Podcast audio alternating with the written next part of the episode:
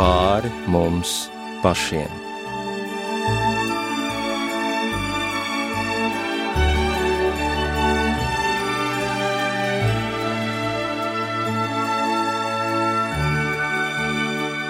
Labvakar!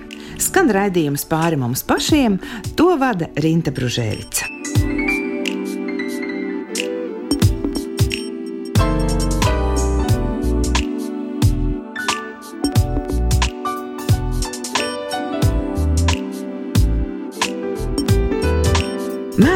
Ka mūs pārņem liels satraukums. Viss mūsos runā, izņemot muti. Dvēseles realitātes kaut gan nav redzamas un taustāmas, tāpēc nav mazāk reālas, saka rakstnieks Viktors Igo. Visiem cilvēkiem ir dvēsele, kuru mēs neredzam. Tai var būt dažādi stāvokļi. Tā var būt noskumusi, priecīga, cerību pilna, satraukta, Psalma autors Dāvids pazina savu dvēseli. Viņš zināja, kas tai ir vajadzīgs, ka tai ir vajadzīgs mierinājums un drošība. Es mierinu un klusinu savu dvēseli, viņš raksta. No dziļumiem es piesaucu kungs tevi. Mana dvēsele gaida uz to kungu. Tā psalma autors Dāvids. Ko mēs īsti apzīmējam ar jēdzienu dvēsele? Kāpēc tā ir tik svarīga? Kas ir apslēpts mūsu dvēseles dzīvēs un kas liecina par to, ka dvēsele ir ievainota. Meklēsim atbildes uz šiem jautājumiem kopā ar raidījuma viesi. Studijā ir Inte Feldmane, kas jau vairāk nekā desmit gadus ir darbojusies šajā jomā, kas skar dvēseles dziedināšanu, un viņa ir draudzes Kristus uzvara mācītāja. Labvakar! Labvakar!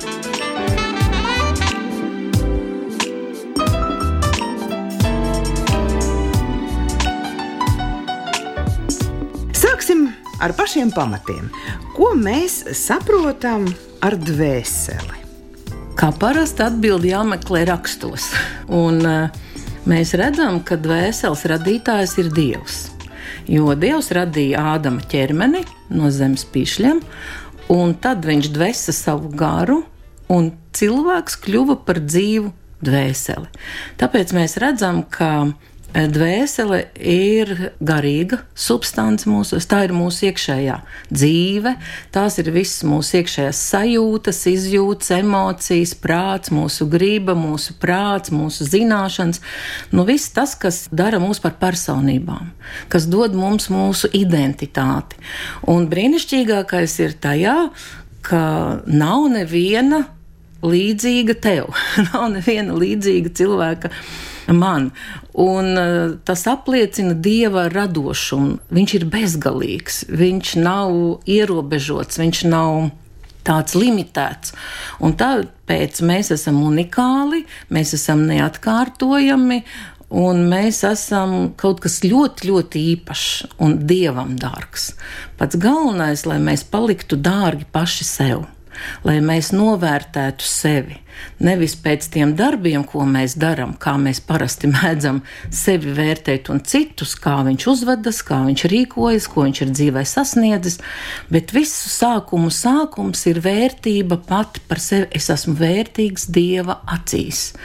Viņš mani absolūti mīl, neatkarīgi no tā, kā es dzīvoju un ko es daru.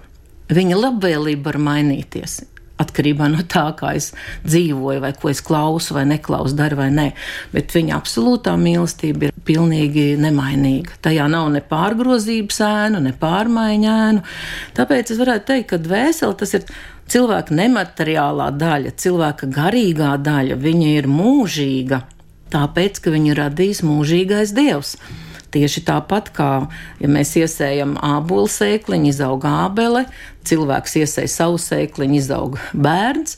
Tieši tāpat arī Dievs rada līdzīgu. Tātad, ja Dievs ir mūžīgs, tad viennozīmīgi arī mūsu dvēsele ir mūžīga. Tātad dvēsele ir tā, kas nosaka mūsu nu, iekšējo pasauli. Jā, tā varētu jā, teikt. Jā, jā. Un, un primārais, kas nāk prātā, tās ir visas tās jūtas un, un emocijas, un, un kā jau jūs arī teicāt, vēl prāts klāt. Un tā ir nemirstīga. Jā, ir dažādas reliģijas, bet, um, ja mēs lasām Bībeli, tad um, Dievs jau pasaka to, ka dvēsele tiešām tā ir mūsu nemirstīgā daļa. Es vēl gribēju piebilst, ka dvēseli skatīties, runāt, pētīt, dziedināt dvēseli nevar atdalot no gara. Jo trīsvienīgais dievs ir radījis trīsvienīgu cilvēku. Un, ja mēs mēģinām tikt galā ar visu to, kas ir mūsu dvēselē, gan dziedināt, gan atjaunot, gan stiprināt, gan mierināt, bez gara līdzdalības, tā ir cilvēka palīdzība cilvēkam, kas nav slikti. Bet tas vienmēr būs ierobežots, limitēts un bieži vien nesasniedz to mērķi, kāpēc tas tiek darīts.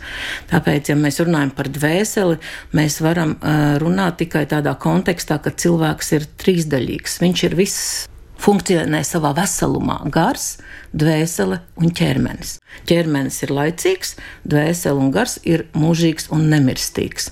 Un tur ir tas jautājums, kas tad vada mūsu dvēseli? Ja mums nav pilnīgi nekāda kontakta ar Dievu, varbūt arī kontakts ar citu paralēlo pasauli, tad, protams, viennozīmīgi mēs uzreiz varam teikt, ka es būšu kaut kādā zināmā mērā ierobežots un nesasniegšu to dieva aicinājuma pilnību, savu profesionālo dāvanu pilnību, savu garīgo dāvanu pilnību. Un eh, tāpēc, kalpojot cilvēkiem, es vienmēr uzdodu to jautājumu, kādas ir tavas attiecības ar Dievu? Vai tu viņu pazīsti kā tēvu, kad pēdējo reizi viņš ar tevi runājis? Un šie jautājumi vienmēr dara zināmu, vai cilvēkam vispār ir reāls attiecības ar Dievu, ar garu. Un tad jau mēs varam virzīties tālāk. Un, protams, es domāju, daudzi klausītāji zina, ka mēs ar dvēseli izprotam tātad mūsu prātu, ko mēs domājam, mēs izprotam savas emocijas un jūtas tātad, ko mēs jūtam, un gribu, ko es gribu. Tātad dvēsele sastāv no trijām sastāvdaļām. Tieši tāpat kā gars. Un ja mēs skatāmies uz garu, mums atkal ir jāzina, kādas ir gara funkcijas, kādas ir dvēseles funkcijas, lai mēs nejauktu, lai mēs mācītu pārvaldīt visu to, kas ir mūsos ielikts. Un, ja mēs paskatāmies uz gara funkcijām, tad tā ir tā intuitīva daļa, un eh, tad tā ir sirdsapziņa. Tur atkal ir jautājums, vai tā ir dieva balss, vai tā ir ieaudzinātā sirdsapziņa, vai kaut kā tradīcija, kultūras radītā sirdsapziņa. Tā ir vēlme kādu pielūgt tā ir vēlme kādu slavēt, tā ir um, dzimuma piederība, ir garā. Gars ir tas, kas dod spēku un dzīvību vispār dzīvot. Jo no gara plūst šī dzīvība dvēselē, kā traukā, un no dvēseles plūst uz ķermeni. Tā mēs funkcionējam savā veselumā. Vēl um, viena no gara funkcijām ir um, saklausīt savu aicinājumu, atrast savas dāvanas, tas arī ir gara funkcija. Ir vēl daudz citas, bet uh, tas ir tā īsumā. Un, protams, tam visam ir jāsadarbojas. Tas ir vienots mehānisms, tas ir kaut kāds vienots veselums. Un, ja mēs esam atdalīti no gara, tad viennozīmīgi mēs jau nevaram funkcionēt tā, kā Dievs to ir radījis un, un devis mums kā tādu dāvanu, kā svētību, kā pilnību. Un, eh, kā mēs teicām, jā, dvēseli tas ir eh, prāts, jūtas, emocijas un griba, kas viss ir ietverts ķermenī.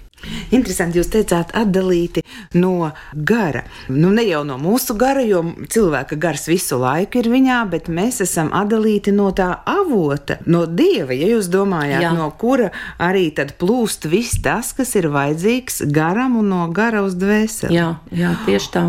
Un tad kādas pazīmes liecina par to, ka dvēsele ir ievainota, ka tur kaut kas nav kārtībā? Jo es saprotu, ka dvēsele mums ir centrālā, mūsu centrālā asa, varētu teikt. Un, ja tur kaut kas nav kārtībā, tad gan ķermenis, gan arī gars nefunkcionē, ja lietojam šo vārdu funkcionēt tā, kā tas būtu vajadzīgs. Un dvēselē tad, proti, nav tas miers, tā harmonija, par ko psalma autors saka, ja es mierinu savu dvēseli, es viņu klusinu.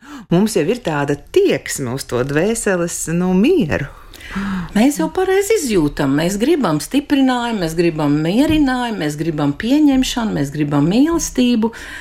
Un, kā jau es teicu, vienmēr ir tas jautājums, no kāda avota tas viss mums nāk, uz mums plūst. Vai nu tas nāk no cilvēka pie cilvēka, vai no dieva uz cilvēku, un tad atkal no cilvēka cilvēkā. Ja? Bet um, mums, kā ticīgiem cilvēkiem jau jāsaprot, ka šīs dvēseles problēmas vienmēr projicēsies uz mūsu attiecībām ar Dievu.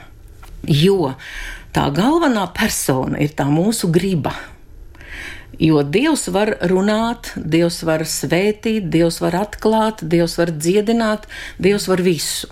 Bet jautājums ir tajā, vai es ar savu dvēseli, ar savu gribu piekrītu tam, pieņemu to un vispār uh, gribu to. Tāpēc mēs varam teikt, ka dvēsele spēlē galveno lomu, lai cik tas varbūt dīvaini neskan ticīgiem cilvēkiem un garīgiem, bet dvēsele ir tā, kas izlem, vai es klausīšu dievam vai neklausīšu dievam, vai dzīvošu pēc sava prāta un savas gribas.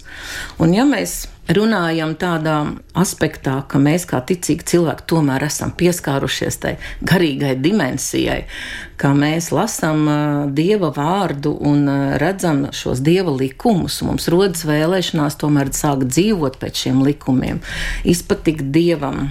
Jo mēs saprotam, tad mēs esam veiksmīgi, tad mēs esam radoši, tad mēs esam uzvaroši, un tad ir tādi panākumi pilni cilvēki.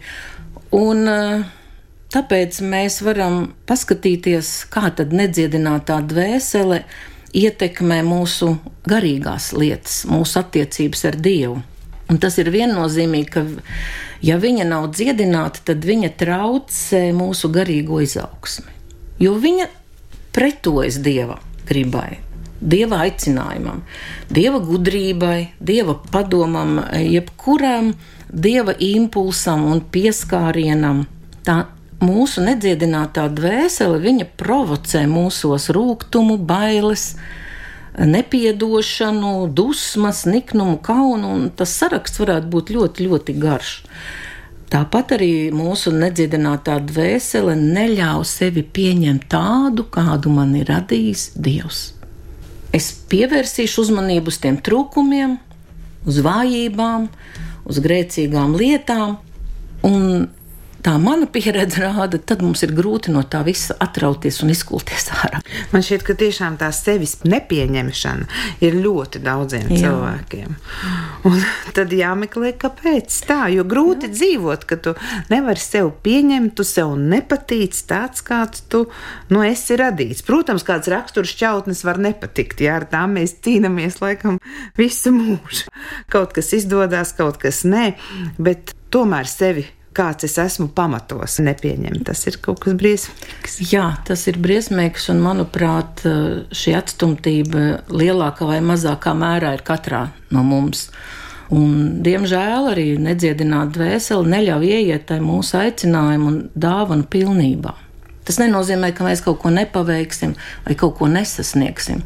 Iet runa par tiem simt procentiem par to maksimumu, ko Dievs man ir debesīs uzrakstījis. Jo es, mans liktenis, aicinājums, perfekti ir radīts debesīs, un tas mans uzdevums šeit uz zemes kopā ar Dievu ir to uzzināt un to realizēt šeit uz zemes. Un nedziedinātā dvēsele to absolūti var kavēt, traucēt un pat apstādināt.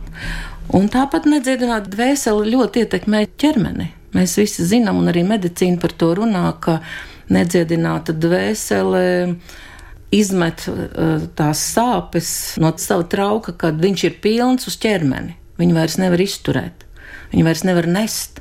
Un tad viņi izmet to uz fizisko ķermeni, un tad ķermenis sāk slimot. Nedziedinātā dvēsele zog mūsu mieru un prieku. Ja Dieva vārds saka, ka Dieva valstība ir prieks, miers, svētajā garā, tad rodas jautājums, cik ilgu laiku, kaut vai vienas dienas eh, robežās, mēs esam priekā un mierā. Un taisnībā savā galvā, savā domās, skatāmies uz sevi tā, kā skatās Dievs uz mums. Tur ir ļoti daudz dažādu vēl aspekti, par ko runāt, ko mums eh, nozog, jeb eh, mūsu dvēsele vai traucē. Viņa nespēja pieņemt mīlestību, un viņa nespēja atdot mīlestību. Tas nozīmē, ka mēs nespējam izpildīt pirmo bausli līdz galam, jo ir teikts, ar visu savu dvēseli mīlit kungu, sevi pašu un savu tuvāko. Un es vienmēr mācu cilvēkiem, mums ir tāda nepareiza akcenta salikt par pirmo bausli. Mums parasti māca mīli Dievu un tad tuvāko. Nu, kā tu vari mīlēt tuvāko, nemīlot sevi? Jo mēs varam atdot otram tikai to, kas mums pašos ir ielikts. Un tāpēc es vienmēr saku, metiet nost, liekat nost, lieciet mierā tuvākos. Sāksim ar to, ka iepazīsim Dievu tuvās dziļās attiecībās. Pieņemsim, sapratīsim, kāds viņš ir, piedzīvosim, pārdzīvosim ne tikai no tā vārda, kā informācija, bet reālās attiecībās. Piedzīvosim mīlestību, tāpēc ka mīlestība tas nav tikai vārds vai darbi. Mīlestības arī ir jūtas, emocijas. Un bieži vien cilvēki atnāk, saka, man tēvs, mamma bija labi, viņi man mīlēja, viņi gribēja, lai es labās skolās mācos, un atpūtu garantēju, un pirka visu ko. Un tad es vienmēr jautāju, vai klīpī tevi ņēma. Vai tevi apskāva, vai tevi sabučoja zvaigzniņi, vai ar tevi kopā pavadīja laiku, vai vienkārši paklusē ar tevi, vai tu jūti, ka mīlestība plūst no viņiem. Un tad cilvēks saka, nē, un tad viņš sāk vispār pirmo reizi sāk domāt, kas tad ir īsta mīlestība. Tās ir gan jūtas, gan emocijas, gan arī vārdi un darbi un kaut kāds izpausms. Un, protams, nedziedināt dvēseli viņa bloķē ticību. Tādēļ, ka nedziedinātai dvēselē ir pilnīgi cits viedoklis par visu, pie kam. Un tad, kad mēs atnākam draudzē vai pie Dieva, un tad mēs dzirdam, Dievs ir labs, un Viņš tev visu palīdzēs, un atbalstīs un mierinās, tajā brīdī mūsu dvēsele sāk protestēt. Viņa saka, nē, es zinu citādāku Dievu. Man ir cita pieredze, tādēļ, ka mums vienmēr iet projekcija uz Dievu tām attiecībām, kādas mums ir bijušas ģimenē. Jo tā Dievs ir iekārtojis, ka vecāki ir Dieva tēls ģimenē. Bērns tic absolūti visam. Un tādā veidā ģimenē augot, skatoties, eh, kā vecāki veido attiecības, kā izturās pret viņu, viņam rodas absolūti neizkustināms un, un nemaināms viedoklis, kāds ir Dievs. Un tādēļ mums tās problēmas baznīcā rodas, vai lasot Bībeli, vai mēģinot saprast, kāds ir Dievs. Mums ir konflikts, mums ir karš, jo mēs zinām, Dieva vārds saka, miesa iet pret garu, un gars iet pret miesu. Un tas ir šīs nedziedinātās dvēseles eh, virzīts konflikts. Jo viņa grib turpināt valdīt mūsu dzīvē. Viņa neatdod savas pozīcijas, un viņa tik vienkārši nepiekrīt dieva gara vadībai. Jo mēs lasām arī romiešu vēstulē, par ko Pāvils raksta. Es pats nesaprotu, ko daru, jo nevis to, ko gribu, es daru, bet To, ko ienīstu, to es daru. Mans iekšējais cilvēks ar prieku pieņem dieva likumu, bet savā miesā manu citu likumu, kas karo ar mana prāta likumu. Tas ir šis konflikts, tā ir tā divvaldība saucamā. Un ja mēs to neatpazīstam, tad mēs turpinām kā ticīgi cilvēki dzīvot tādu miesīgu dzīvi, dvēselisku dzīvi un darīt miesīgus, labus darbus, bet tas ir dvēseles spēkā, dvēseles atklāsmē. Un es vienmēr cilvēkiem saku, tas galvenais, kas mums jāsaprot, mums ir jāatpazīst avots, no kā nāk mūsu domas, mūsu sajūtas, mūsu emocijas, mūsu izvēles, mūsu lēmumi, mūsu motivācijas, vai tas nāk no gara, vai tas nāk no dvēseles. Jo Mēs esam iemācījušies atpazīt labo no ļaunā. Un bieži vien mēs uzdodam labo, ka tas ir no dieva. Un tāpēc draudzēs ir ļoti daudz pašizdomāts kalpošanas, tāpēc draudzēs nav pieauguma, nenāk jauni cilvēki, jo tas jau cilvēks nepiesaista. Viņus piesaista kaut kas dievišķs, kaut kas īpašs, kaut kas dzīvē nepieredzēts, nepiedzīvots, kaut kas pārdabisks. Tā ir dieva tuvība, tā ir dieva klātbūtne, tā ir svētā gara izliešanās, bet dvēseli jau to nevar izdarīt. Un tad mēs sākam imitēt. Un tad mēs sākam pārliecināt, ka tas ir pareizi, bet viss nāk no miesas, viss nāk no dvēseles.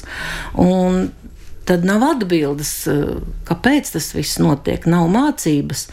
Ja ir mācība, tad ir vajadzīga vēl prakse, vide, kur praktizēt šīs iemaņas, jo garam ir tieši tikpat daudz eh, garīgo maņu, cik mūsu fiziskajam ķermenim - piecas.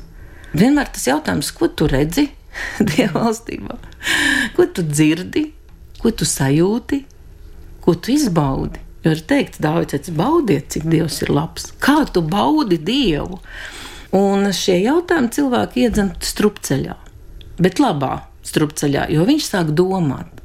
Mūsu uzdevums, lai cilvēks vismaz sāk domāt ka kaut kas nav kārtībā, kad ir kaut kam jābūt savādākam, citādākam, dziļākam, plašākam, radošākam, krāsainākam, spilgtākam, dzīvākam galu galā.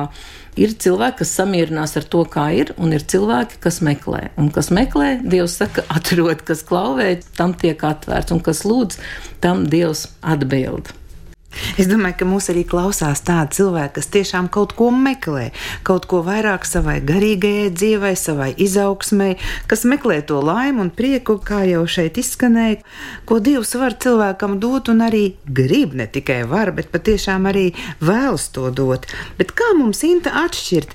Teiksim, ka tās ir tikai emocijas, jūs pieminējāt, ja dvēseli ir ievainota, tad varbūt dusmas un nepieņemšana un, un vēl citas lietas, bet varbūt tās ir ir tikai vienkārši emocijas, kas arī ir tāda normāla mūsu dzīves sastāvdaļa, ka mēs kādreiz sadusmojamies, kādreiz gribam būt vieni, kādreiz nevēlamies, ka mums ir apkārt cilvēki, gribam norobežoties. Kā atšķirt, ka patiešām ir kāds ievainojums, kur ir jāvelk laukā tas un jādziedina, un ka tā ir tikai tāda normāla mūsu emocionālā pasaule? Jā, pilnīgi pareizi pašas emocijas nav ne sliktas, ne labas. Viņas ir neitrāls. Emocijas arī ir dieva, un viņš mūs ir apdāvinājis ar emocijām. Un vēl viena pazīme, ka cilvēkam ir vajadzīga dvēseliskā dziedināšana, ir tas, ka viņam nav emociju. Viņš ir tāds intelektuāls, ja? viņš par visu gudri spriež, dziļi spriež, dziļi runā, secinājums izdara, bet viņam eh, nekādu emociju nav, nekādu jūtu nav. Viss ir nobloķēts. Un eh, mēs esam ģimenē tā audzināti, ka bieži vien emocijas izrādīt ir slikti vai kauns. Mēs visi zinām, puikas neraud. Ja tu raudās, ja tu tagad uh, dusmosies, mēs neiesim uz zoodārzu, piemēram. Pamazām, palēnām mēs iemācām bērnam, ka emocijas izpaust ir slikti. Un emocijas var būt dažādas, patiešām viņas var būt um, kā mēs raksturotu, pozitīvas, negatīvas, ilgstošas, īslaicīgas, bet sāls ir ne tajā sāls ir tajā, ka no kāda avota atkal iet šīs emocijas. Jo es varu izpaust emocijas dievišķā veidā, un es varu izpaust viņas bezdievīgā veidā. Ja es viņas esmu iemācīta izpaust dievišķā veidā, tad viņas mani negrauj un negrauj tos līdzcilvēkus, kas man ir apkārt. Vienalga, vai tā ir ģimene, darbs vai draudzene vai, vai sabiedrība. Tas atkal ir draudzes uzdevums caur mācību, apmācīt cilvēkus, kas ir emocijas, kāds avots ir, no kurienes viņas nāk un kā ar viņām tikt galā. Tāpēc, nedrīkst teikt, tu nedusmojies, tu viņam piedod, nu, tu viņu mīli, tev vajag to un to, un mēs dzirdam gadu no gada visu laiku, tev vajag to darīt, tev vajag tā darīt, tev vajag tādam būt, un, un šī tādam būt, un neviens nepasaka kā, un cilvēks sēž un saka, bet Es labprāt, es jau to gribu, es pat Dievu lūdzu, bet lūdzu, mīļie cilvēki, pastāstiet man, kā to praktiski izdarīt. Nu, lūk, un tā ir draudzes atbildība. Iemācīt cilvēkam arī šīs lietas saprast, un pēc tam praktiski apmācīt un darīt viņu par cilvēku, kurš pārvalda savas emocijas pareizi. Jo, ja mēs savu emociju izpausmē kaitējam kādam cilvēkam, nu mēs visi zinām. Es ar tevi nerunāšu. Jā. Jā. un cilvēks atkal jūtas atstumts un, un ievainots un tā tālāk. Vai nekad no tevis dzīvē nekas nesanāks. Mēs visas, visas šīs frāzes esam vai nu paši runājuši, vai paši dzirdējuši. Un itin bieži arī saka, tev nav mīlestības. Jā, protams, jā, tas ir tāds. Tāda tradicionāla frāze, ko dzird draudzēs, un manuprāt, ļoti sāpīga. Un tā arī ir viena no nedziedinātas dvēseles pazīmēm, jo Dvēseli, kas nav mīlēta, kas nav iemācīta pieņemt mīlestību un atdot mīlestību, viņa ir kā tāds caurspainis. Mīli viņu, cik gribi, izpaud šo mīlestību, kā gribi. Bet tajā brīdī viss ir kārtībā, tā dvēsele ir apmierināta, tikko tas avots ir aizgājis, cilvēks. Ja? Tā atkal ir slikti, tā atkal jūs mani nemīlat un cilvēks ir apjukumā, un cilvēks patiešām tā domā, ka viņu nemīl. Un jāpastāsta, jāatver cilvēkam to, ka to tukšumu, kas ir radusies dvēselē, var aizpildīt tagad tikai un vienīgi Dievs. Un bieži vien šīs lietas, kuras mēs zinām, apreces jauns pāris, meitene nav saņēmusi tēvu mīlestību, un viņa sāk pieprasīt šo mīlestību no vīra. Protams, vīram ir jāmīl, bet viņam ir tāds ietvars savai mīlestībai, tieši kā jāmīl vīram. Bet jaunā sieva, esot tukša no šīs tēva mīlestības, viņa nepārtraukti pieprasīs, pieprasīs šo mīlestību. Mīlestību nevar pieprasīt. Mīlestība vai nu ir vai nav. Viņa vai nu plūst vai neplūst. Viņa runā vai nu nerunā. Viņa kalpo tev vai nekalpo. Un tikko sāk šī vēlme pieprasīt, tā otra puse uzliek mūri, jo mīlestība ir brīvprātīga. Es te nevaru mīlēt uz pieprasījumu, es tevi varu mīlēt brīvprātīgi. Un jaunā sieva pieprasa šo kompensāciju no vīra.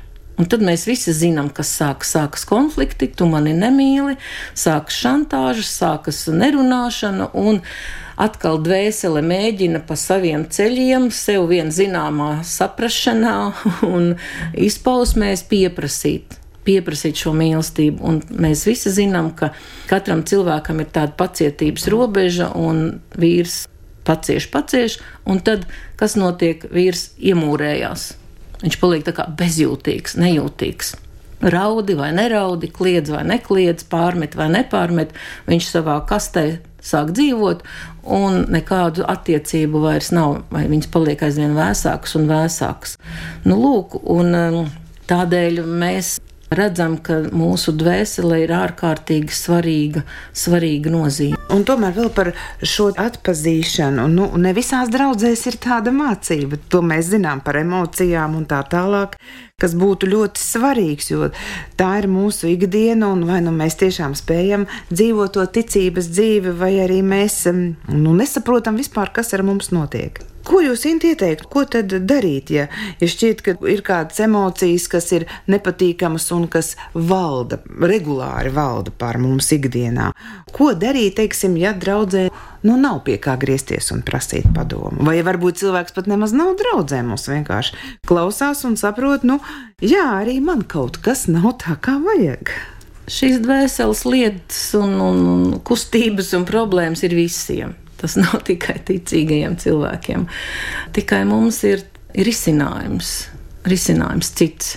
Arī pasaules cilvēki meklē palīdzību savam dvēseles sāpēm, kliedzienam, atstumtībai, bailēm, kaunam. Viņi atrod dažādus veidus, par ko es domāju, šodien mēs nerunāsim, bet ticīgi cilvēku palīdzība ir kungā.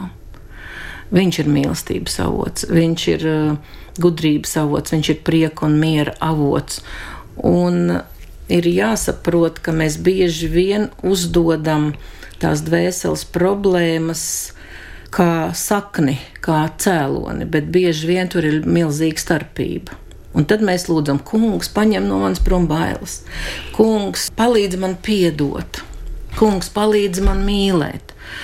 It kā vieglāk paliek tikko es satieku to cilvēku vai iekļūstu līdzīgās situācijās, man atkal ir nepiedošana, man atkal ir bailes, man atkal ir kauns, man atkal ir dusmas, man atkal ir naids. Un es vienmēr saku, tas ir tāpēc, kā tu lūdz, tā Dievs atbild. jo mēs lūdzam par sekām, tās jau ir sekas. Bet cēlonis var būt pilnīgi cits. Un tad mums kopā ar Dievu ir jāsāk meklēt, kur tas viss sākās kā tas sākās, kādā situācijā sākās, ar kādiem cilvēkiem sākās. Un uh, to zina tikai un vienīgi Dievs. Kāpēc? Tāpēc, ka Dievs ir radījis dvēseli.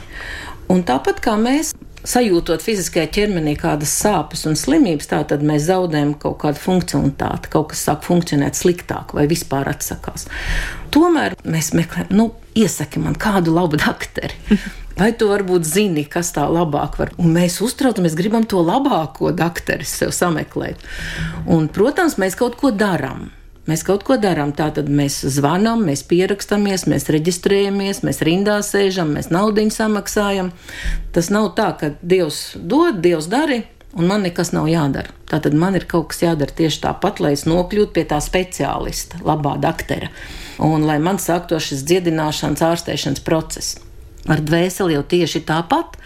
Es zinu, ka mans ārsts ir Dievs labākais, kad viņš ir radījis manu dvēseli, tad kurš tad vislabāk izpratīs manu dvēseli?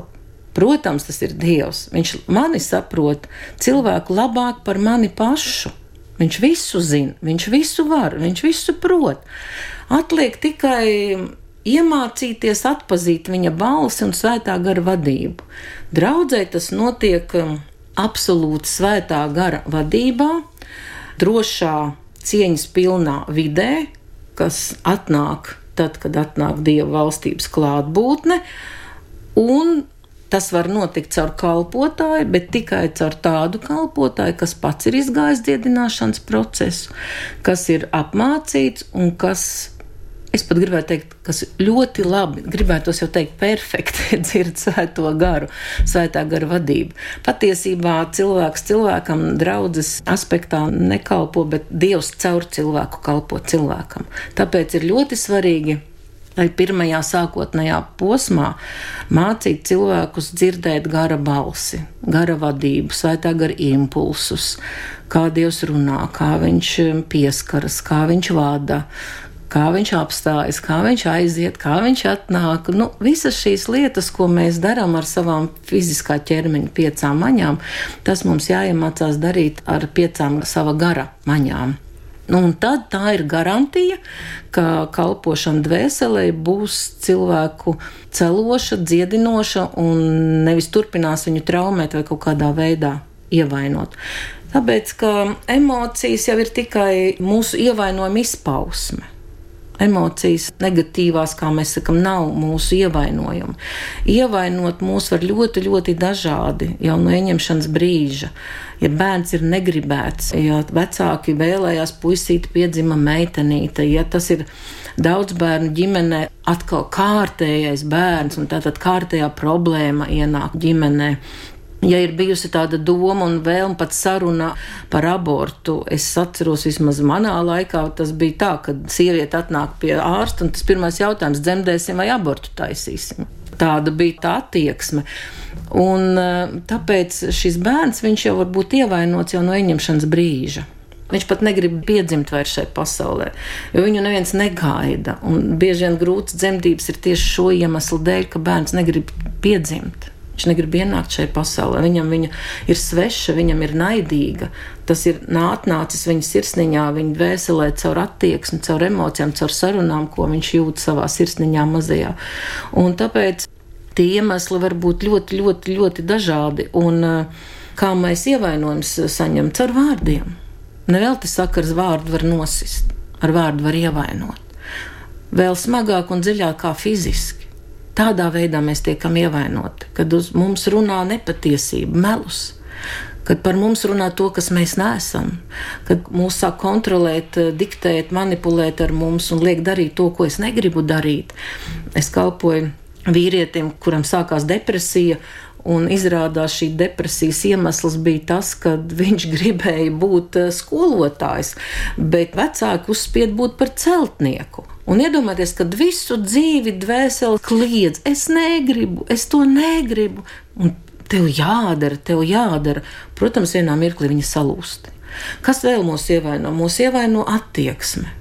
Nežēlīga, cietsirdīga attieksme, kas mūs atstāja, atstumj, noraida, nodod, izmanto sagrauj, un mūsu eh, sagrauj vēl arī attiecības nepareizas, tādas sāpīgas, un netīras, vai nešķīstas un, un negodīgas attiecības. Un tad rodas tie ievainojumi dvēselē, un viņi paliek uz visiem laikiem. Viņi nekur nepazūd, viņi nekur neaiziet, viņi nekur neiztvaiko. Mēs to visu nesam kā cietajā diskā ierakstītu, un to informāciju diskā var izmainīt tikai Dievs. Kā mēs varam, kā cilvēki, mēs varam caur datoru ekrānu kaut ko izdzēst, pierakstīt, izmainīt, bet mēs netiekam klāt cietējam diskam. Tur vajadzīgs profesionāls. Un tieši tāpat mana dvēsele ir dārgākais, kas man ir. Vienmēr jādomā, kas kalpo manai dvēselē, ko es laižu klāt savai dvēselē. Tā kā mēs zinām, mēs dzīvojam tādā ļaunā pasaulē, un apkārt arī ir mums nedziedināti cilvēki, tad vienīgais veids, kā sevi aizstāvēt, ir celt mūrus, ko mēs saucam par aizsargu mehānismiem. Un tie atkal ir ļoti dažādi. Un tā mēs mūrējam, mūrējam tos mūrus, un es saucu, beigu beigās tā mūsu dvēseli pārvērš par melu un, un, un tumsas cietokšņiem, kas bloķē mūsu garu un traucē piepildīt to, kam dēļ vispār es esmu radīta un kam dēļ mēs esam radīti, lai mēs izpaustu savu radītāju.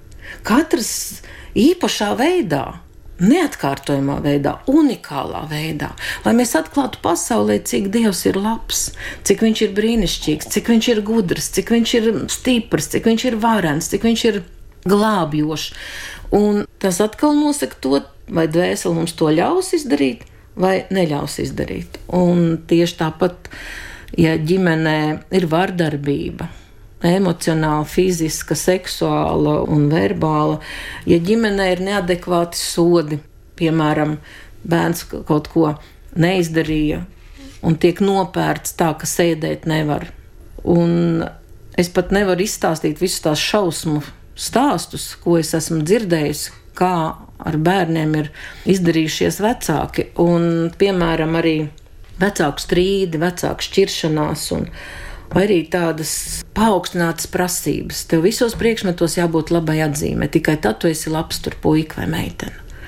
Nu, kā bērns var būt pilnīgi ideāls, perfekts visos priekšmetos. Nu, taču jāskatās, kāda ir viņa aicinājums, kādas viņa ir dāvanas. Un visas tās lietas pamazām, palēnām mūsu dvēselē tiek sakrātas. Kā jau es teicu, nekur viņas nepaliek. Mēs nevaram paņemt bailes un uzlikt uz plauktiņu. Negribu baidīties. paņem un izliek ārā. Es negribu dusmoties. Un pareizi jūs teicāt, ka emocijas tas ir vienkārši šo sāpju ievainojumu izpausmes veids kad mēs protestējam, mēs dodam signālu. Un mums vajadzētu būt gudriem un saprast, ka ar manu dvēseli kaut kas nav kārtībā, kaut kas jādara. Jāskrien pie kunga, jārunā ar viņu, jāmeklē varbūt kāda cita palīdzība no dieva, caur mācību, caur, caur kalpošanu, caur padomu, caur aizlūgšanām. Un viņam ir risinājums. Viņš ir tas profesionāls, kas ir radījis mūsu dvēseli. Viņš perfekti un ideāli tiks galā. Es esmu piedzīvojis tādus brīžus savā dzīvēm Es vienmēr saku, Dievs, nu kā tu vari būt tik labs, nu kā tu vari būt tik brīnišķīgs. Brīnišķīgais ir tajā, ka tā nevar pierast. Viņš katru reizi darīs kaut ko pa jaunam, savādāk. Tas vienmēr būs diženi, tas būs skaisti, tas būs apbrīnojami, tas būs iedvesmojoši. Un es ļoti esmu pateicīga Dievam par šo kalpošanu, jo es piedzīvoju un es redzu, kāds ir Dievs. Es viņu iepazīstu tā, kā es nekad nebūtu iepazinusi, ja tikai nodarbotos ar savu dvēseli. Un pie tā nevar pierast. Pie tā nevar pierast, kad tu dzirdi, ka Dievs saka, mana mīļā, es tevi gaidīšu mūžīgi. Tad, kad šī dvēsele ir tik ievainota, tik sāpināta, ka pat paša Dieva priekšā viņai ir bailes atvērties. Viņa ir kā saspringusi, jo viņa saprot, ka tas vecais ir jādod, bet to jauno es vēl nepazīstu. Un tas ir tas brīnišķīgais moments, kad tas cālītis pārsit to čaumaliņu un tagad mēģina nākt ārā tajā pasaules gaismā un pirmo reizi uz zemes nostāties un pirmo reizi kādu graudiņu pagaršot. Viņš ir apjukus tā dvēseli, jo viņa visu laiku ir bijusi melos, ka es esmu tāds. Jo, ko dara ievainojumi, viņi nesaka, tu izdarīji slikti, viņi saka, tu esi slikts. Un tie ir tie meli, kam mēs noticam šīm konkrētajām situācijām, un, un attiecībām un apstākļiem. Un, mūsu dvēsele tic tiem meliem, un viņa turās, viņai nav cits pieredzes. Viņa vispār nezina, bieži vien tā fragmentētā dvēsele, kas vispār ir Dievs un kāds viņš ir. Un kalpošana ved viņu attiecībās ar Dievu.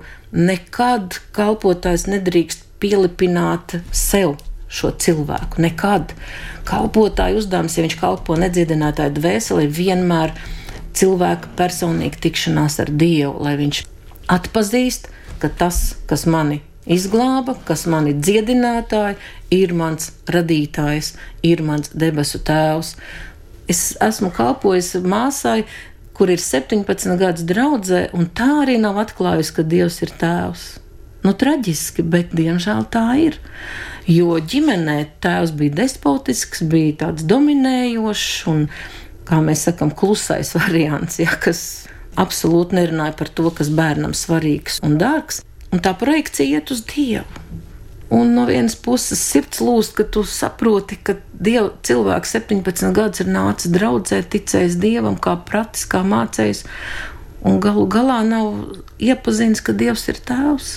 Un tad mums nākas kopā ar Dievu, kopā ar Jēzu meklēt to ceļu, uz to ievainoto dvēseli, kurā ir ierakstīti šie meli, ka tēvs ir bargs un stingrs, un, un varbūt pat nežēlīgs un, un vienaldzīgs, un ir nodevis, ja tā ir šķiršanās. Un nākas mums stāstīt, kāds ir Dievs, kā tad cilvēks var, var par Dievu pastāstīt. Protams, tikai pats Dievs var atvērties viņam. Mans uzdevums un tā palīdzība ir kā līdzstrādniekam palīdzēt un vienmēr būt malā, maliņā. Bet es esmu liecinieks tiem brīnumiem, tām tikšanās reizēm.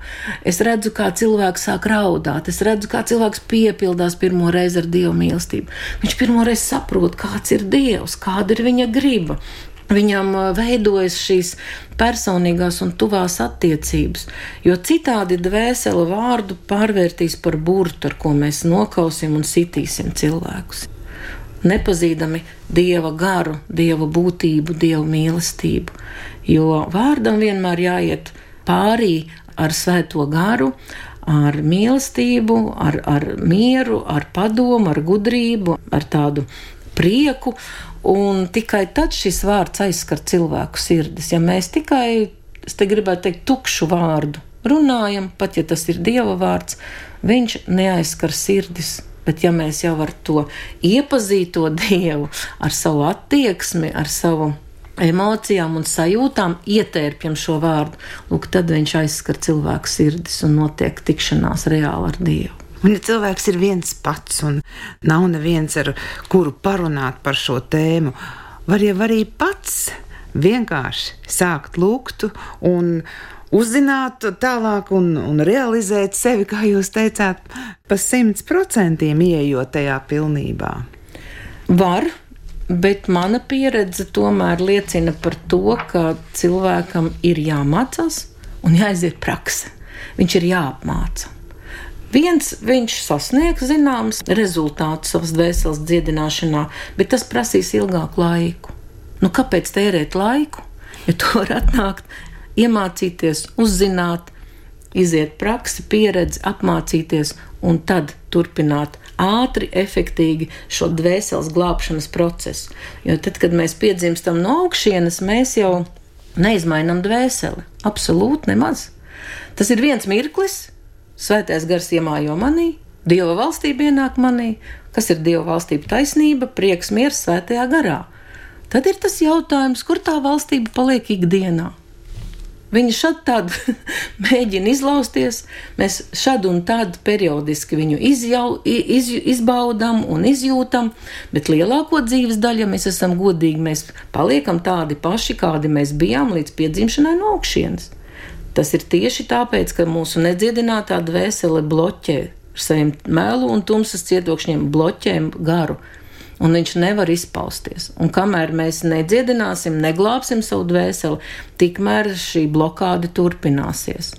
Un tā dieva griba, ja pārvaldības metode, ja var tā teikt, ir tā, ka Dievs runā, Dieva gars runā manam garam, mans gars runā manai dvēselē, un dvēsele runā uz manu ķermeni. Tas ir tāds pareizais cilvēku funkcionēšanas, pārvaldīšanas process. Ja man šis gars ir bloķēts, līdz ar to, kā mēs jau runājam, es esmu ļoti ierobežots un limitēts. Pat tad, ja es arī dzirdu kaut ko, saprotu un kaut ko daru. Un nedziedinātā dvēsele ļoti, ļoti stipri ietekmē mūs un viņa atņem spēkus. Jo tāpēc, ka mums taču ir jākontrolē viss tas, kas tur ir tās sāpes, to kaunu, tās bailes mums jānospiež, jo viņai ir tāda spēja, ko mēs saucam par aizsargu mehānismiem, iekapsulēt un kaut kur dziļi, dziļi nogrūst. Bet tas taču viss ir jāpārvalda, jānotur, jānokontrolē, lai tas neizpaužās. Un tad bieži vien um, nāk vaļā, kā mēs sakām, emocijas, sarunājam, sadaram, lēmums nepareizi pieņemam, un tad brīnamies un vainīgi jūtamies, un, un ko tagad darīt. Tieši šīs nedziedinātās dvēseles dēļ cilvēks var līdz kādai zināmai robežai nokontrolēt to, kas ir manī. Bet mēs nevaram pat prognozēt un paredzēt, kas ārpus mums ir uzrunās šos cietokšņus un atvērs viņus. Un tad nāks ārā tas saturs, kas tajā dvēseles cietoksnī ir. Un mēs vienkārši skatīsimies no malas uz sevi un domās, ak, kungs, ko es daru, ko es runāju, kā es uzvedos, kā es rīkojos un tā tālāk. Tāpēc um, nedziedināta dvēsele ļoti, ļoti atņem daudz spēkus ļoti daudz spēks. Un tāpēc mēs brīnamies, kāpēc dzīvot negribās, kāpēc prieka nav. It kā reāli iemesla nav, viss tā kā kārtībā dzīvē, un ģimenē, un visur citur, bet kā cilvēki atnāk un saka, es nesaprotu, kas ar mani notiek. Es jūtos slikti. Es jūtos nevajadzīgs. Es nezinu, kas man ir jādara. Es nezinu vispār, kas es esmu. Nu, jā, jā, jā es jau saprotu, tur Dieva bērns un vēl un pēc tam. Jā, jā, jā, bet es nejūtos tā, kā ir rakstīts Bībelē. Es nejūtos tā, kā man stāsta. Es nejūtos tā, kā es prediķī dzirdu. Es nejūtos tā, kā es Bībeles skolā vai semināros dzirdu, es jūtos savādāk, es jūtos citādāk, man ir pretruna. Un, ja nav tādas mācības un palīdzības, kalpošanas draudzēs, tad bieži vien cilvēki ilgus gadus esot draudzē un no visas sirds vēloties izmainīties, viņi nonāk ticības krīzē. Viņi saka, Jā, jā, visi runā, visi stāsta, visi māca, un es jau arī lūdzu, un es jau arī to gribu, bet kāpēc tā visa nav manī? Kāpēc paliek aizvien grūtāk, aizvien smagāk, aizvien skumjāk. Tieši šī iemesla dēļ, ka visi šie cietokšņi viņi sāk aktivizēties, jo viņi krājās, viņi ir kā vulkāns, viņi ir kā skelets, kas kaut kad izkritīs, mums nezinot un visnepiemērotākajā brīdī. Un tad mēs skatīsimies, kas notiek, un pēc tam atkal klājas vēl viens mezgls ko cilvēki padomās, kā es izskatos, atkal nāk klāt kauns uz kauna, vainas apziņu uz vainas apziņu, mēs vēl lielākā bedrē iekrītam un nevaram no tās izrāpties. Un te nu nāk palīdzīgā mūsu griba. Es domāju, tā no vienas puses varētu domāt, ļoti sarežģīti tas viss ir, bet no otras puses mūsu griba spēr vienu soli, un avots, kā jūs teicāt, ļoti svarīgs ir avots, no kā mēs smeļam. Un tas avots to tik vien gaida. Tas ir Dievs, kas ir labs, lai mēs paskatāmies uz to saulaino pusi, uz to gaismas pusi, kur ir viņš. Un tālāk arī dziedināšana notiks soli pa solim. Es tam ticu, un mēs to esam dzīvē piedzīvojuši. Inte, es jums ļoti pateicos, ka jūs atradāt laiku un atnācāt pie mums uz radio. Atgādināšu, ka studijā bija Inte Feldmane, kas ir draudzes Kristus uzvara mācītāja un jau vairāk nekā desmit gadus darbojas šajā jomā, ko mēs saucam par dvēseles dziedināšanu. Es domāju, ka mēs vēl tiksimies kādā raidījumā ar jums. Paldies! Paldies! Un paldies arī visiem, kas klausījās. Radījumu vadīja Rīta Bružēvica ar labvakar. Visu labu!